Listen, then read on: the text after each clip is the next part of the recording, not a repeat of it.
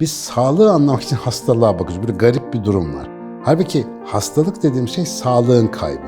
Sağlığın nasıl kaybolduğunu anlamak için de sağlığı anlamak lazım temelde. Gözümüzü hastalıktan sağlığın kendisine çevirmemiz lazım. Mesela neden acıkıyor, neden ağlıyor, neden kızıyor, neden uyuyor? Şimdi bunların hepsine baktığında sistemin bütünü içerisinde sadece bedene baktığında hiçbirini açıklayamıyorsun. Şimdi bütüncül tıp, bütüncül sağlık meselesi ortada terim olarak geziyor ama ben anlaşıldığını ya da o terimin hakkının verildiğini düşünmüyorum. Çünkü şimdi e, mesela her fizyolog, ben bir fizyoloğum, fizyolog nedir? İşte vücudun işletim sistemini anlamaya çalışıyorsun. Bunu yaparken şöyle düşünmesi gerektiğini bilir. Biz mesela öğrenirken organları, dokuları parça parça öğreniriz. Sonra yavaş yavaş mesela diyelim işte midedir, e, yemek borusudur, bağırsaktır, anüstür hepsini toplayıp önce bir sistem olarak algılamayı öğreneceksin. Ondan sonra da bütün sistemleri üst üste koyup vücudu bir bütüncül orkestra gibi görebileceksin. Şimdi bu bizim bugün bildiğimiz materyal tıbbı, kanıta dayalı tıbbı anlamanın en genel yöntemi.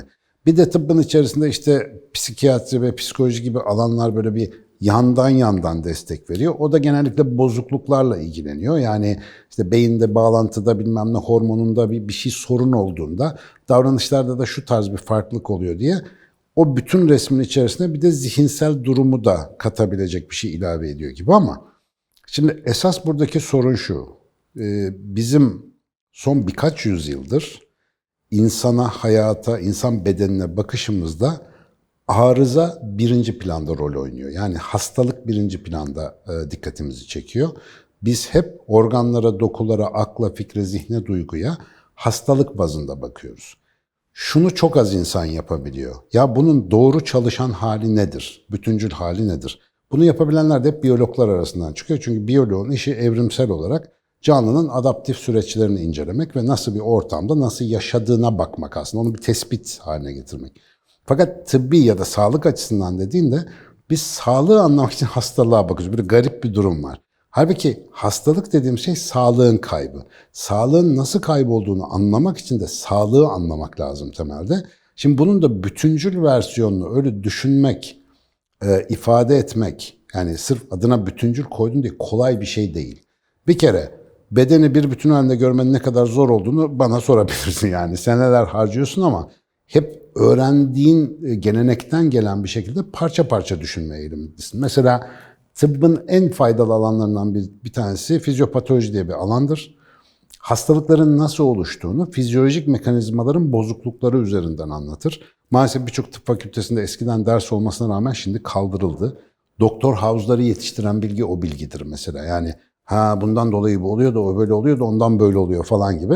Halbuki günümüzde tıp daha ziyade nasıl oldu? Falanca semptoma şu ilacı var, iyileştir geçsin. Mesela fizyopatoloji bile tek başına zor ama yeterli değil. Hepsini bilsen bile. Çünkü fiziksel bir sistem var. Bu arada hastalıklardan konuşmuyorum, tekrar hatırlatayım onu. Fiziksel bir sistem var. Bu sistem bir davranış gösteriyor. Bir, bir şeyler yapıyor günlük dünyada. Neden yapıyor bunu? Mesela neden acıkıyor, neden ağlıyor, neden kızıyor, neden uyuyor? Şimdi bunların hepsine baktığında sistemin bütünü içerisinde sadece bedene baktığında hiçbirini açıklayamıyorsun. Beden dediğimiz yapıyı yöneten başka bir şeyler olduğu hemen dikkatini çekiyor. İşte şimdi buradaki sıkıntımız şu. Biz birkaç yüzyıldır dünyanın işte medeni ülkeleri ya da toplumları olarak pozitif ya da kanıta dayalı bilgi temelinde bir kültür ya zihin inşa ediyoruz. Ve burada da dokunabildiğimiz, ölçebildiğimiz, sayıya dökebildiğimiz şeyler bizim için önemli. E böyle olunca da mesela beden elimizdeki tek araç. Her şeye beden üzerinden bakınca ruh dediğimiz o görünmeyen aygıtı, duygular dediğimiz ele avuca gelmez, herkeste böyle değişen şeyleri, zihin dediğimiz, bilinç dediğimiz doğru düz tanımını bile yapamadığımız fakülteleri beden cinsinden açıklamaya çalışıyoruz. Bunları ayrı ya da e, bedenle etkileşim içerisindeki entiteler olarak görmüyoruz. Bedenin fonksiyonları, onun çıktıları olarak ya da yan ürünleri olarak görme eğiliminde. Şimdi böyle bakınca ne kadar bütüncül olma iddiasında olursan ol, ortada gene maddesel bir beden var. O bedenin işleyişleri cinsinden açıklamaya çalıştığında diğer şeyleri resmi tamamlar diye umarak inceliyorsun. Ama buradaki benim gördüğüm temel sıkıntı bu bakışın kökten yanlış olduğu. Mesela bilim öncesi dönemlere gidelim. İşte o şamanların, mamanların tedavi yaptığı, e, işte antik Yunan'da, işte Güney Amerika'da, orada buradaki mesela tıp geleneklerine baktığın zaman orada da mesela insanın bedeni böyle bir cerahat, bir tümör, bir bir şey olmadığında çok fazla önemli değil. Onu da kesip çıkarıyorlar mesela. O kadar önemli değil beden. Kötü ruhları kovalama falan filan gibi işlerle ya da bir takım dualar, ayinler vesaire yaparak insanların zihinsel, duygusal, ruhsal dünyalarını düzelterek bedeni de ona göre düzeltebileceğini düşünen bir inanç var. Şimdi orada da bedene dair müdahale bilgin çok az. Beden senin için son derece gizemli. Hatta madde ötesi bir şey. Mesela bizim insanla ilgili anlatılar oradan geliyor ya. Biz kendimizi çok farklı zannediyoruz diğer canlılardan. Yo, atınkiyle aynı içeride ne varsa.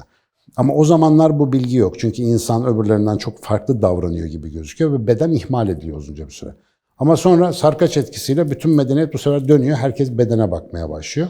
İşte burada zor olan taraf e, mesela ruh dediğimiz şeyi herhalde bana en fazla sorulan sorulardan bir tanesi olabilir. Bana ruh ne diye sorduklarında gözlemleyemediğimiz, gözlemsel olarak ürettiğimiz bir kavram olmadığı için insan ya da başka canlıların görünen bedeni dışında varlığına sebep ve aracı olan her ne varsa hepsinin toplamına ben ruh derim. Böyle bir tanım yaparım kendimce. Ve buna enteresan bir şekilde beden de dahildir benim yaptığım tanıma. Beden bu üç boyutlu dünyadaki halidir. Onun dışında kalan da işte bir takım bize isimler taktığımız başka bir töz, başka bir bileşen grubu daha varmış gibi gözüküyor. E Şimdi bak ben anlatırken bile ne kadar zorlanıyorum. Ya adam hasta, başı ağrıyor. Sen şimdi buna böyle işte ezoterik, mezoterik, cimcim niyetlerle nasıl fayda vereceksin? Bir dönem okunuyordu, ufleniyordu, muskalar takılıyordu, bir şey oluyordu. Ya da ne bileyim işte sağına soluna delikler açılıyordu insanlar. İşte bugün hacamat tekniklerinde falan olduğu gibi. Hani vücuttaki bir takım bir şeyleri hareketlendirip vücudun kendini iyileştirmesini bekliyordun. Şimdi farmakolojik ajanlar var yani ilaçlarımız, kimyasallarımız var. Veriyoruz, belli belirtileri basıyoruz, idare edip gidiyoruz. Ama eğer ki bu sorunun cevabını doğru verebileceksek, ben bunu versem de bugün kimseyi tatmin edemem. Benim kendimce bir cevabım var ama kimseyi kesmez. Gözümüzü hastalıktan sağlığın kendisine çevirmemiz lazım. İyi olma halini anlamaya odaklanmamız lazım. Bu en önemli hastalıklarımızdan bir tanesi aslında. Hasta olana kadar sağlığı merak etmiyoruz. Bunun da mesela çok güzel bir deneyimsel tarafı var. Ee, mesela dalan nerede olduğunu biliyor musun diye sorsam sana. Mesela ne dersin? Çoğu insan şöyle bir bakınır. Dalak o kadar meşhur bir organ olmadığı için dalakla ilgili sorun yaşamamış insan dalağının yerini bilmiyor. Vücudumuzdaki organlar arıza yapmadan bize varlıklarını bildirmiyorlar ve dolayısıyla bizim beden farkındalığımızda yer almıyorlar. Kimler hariç? Meditatif alışkanlığı olan insanlar. Onlar mesela devamlı her tarafı çekiyorlar. Mesela sağlam bir meditatif zihne sahip olan insan ismini bilmese de dalağın yerini bilir. Çünkü orada bir şeyler olduğunu fark eder derinlikle, iç gözlemle. Ki bunun beyinde yeri de var yani vücut haritasını tutan bir kısım var. Ama çoğumuzda sinyal gelmiyorsa biz orayla ilgilenmiyoruz. Eğer biz hem bireysel olarak hem işte araştırmacılar olarak gözümüzü hastalığı iyileştirme ya da hastalığı kovalama endişesinden bir nebze olsun çevirip ya bu canlı organizma nasıl çalışıyor diye baktığımızda ilk ne olacak? İnsanın fabrika ayarlarını okuyacaksın bir kere. Çünkü maddesel bedenin esas adaptif hikayesi evrimsel biyolojide var. Önce onu bir anlayacaksın. Ama evrimsel biyoloji de aynı materyal taraftan baktığı için sadece sana karaciğer, böbrek, beyin anlatacak. Ondan sonra insanın zihinsel, duygusal, ruhsal ne diyorsan donanımını anlamak için de binlerce yıldır biriktirilmiş olan içgörüden faydalanmayı öğreneceksin. Şimdi bu bizim bugün de devletin de hatta kısmen desteklediği işte tamamlayıcı tıp, alternatif tıp vesaire gibi şeylerde yaptığımız o karikatür uygulamalar gibi değil. Karikatürü şu, yazık akupunktur yapıyorlar mesela. Şimdi devlet de ağrı kliniklerinde akupunkturu ödüyor, SGK ödüyor yani bildiğim kadarıyla.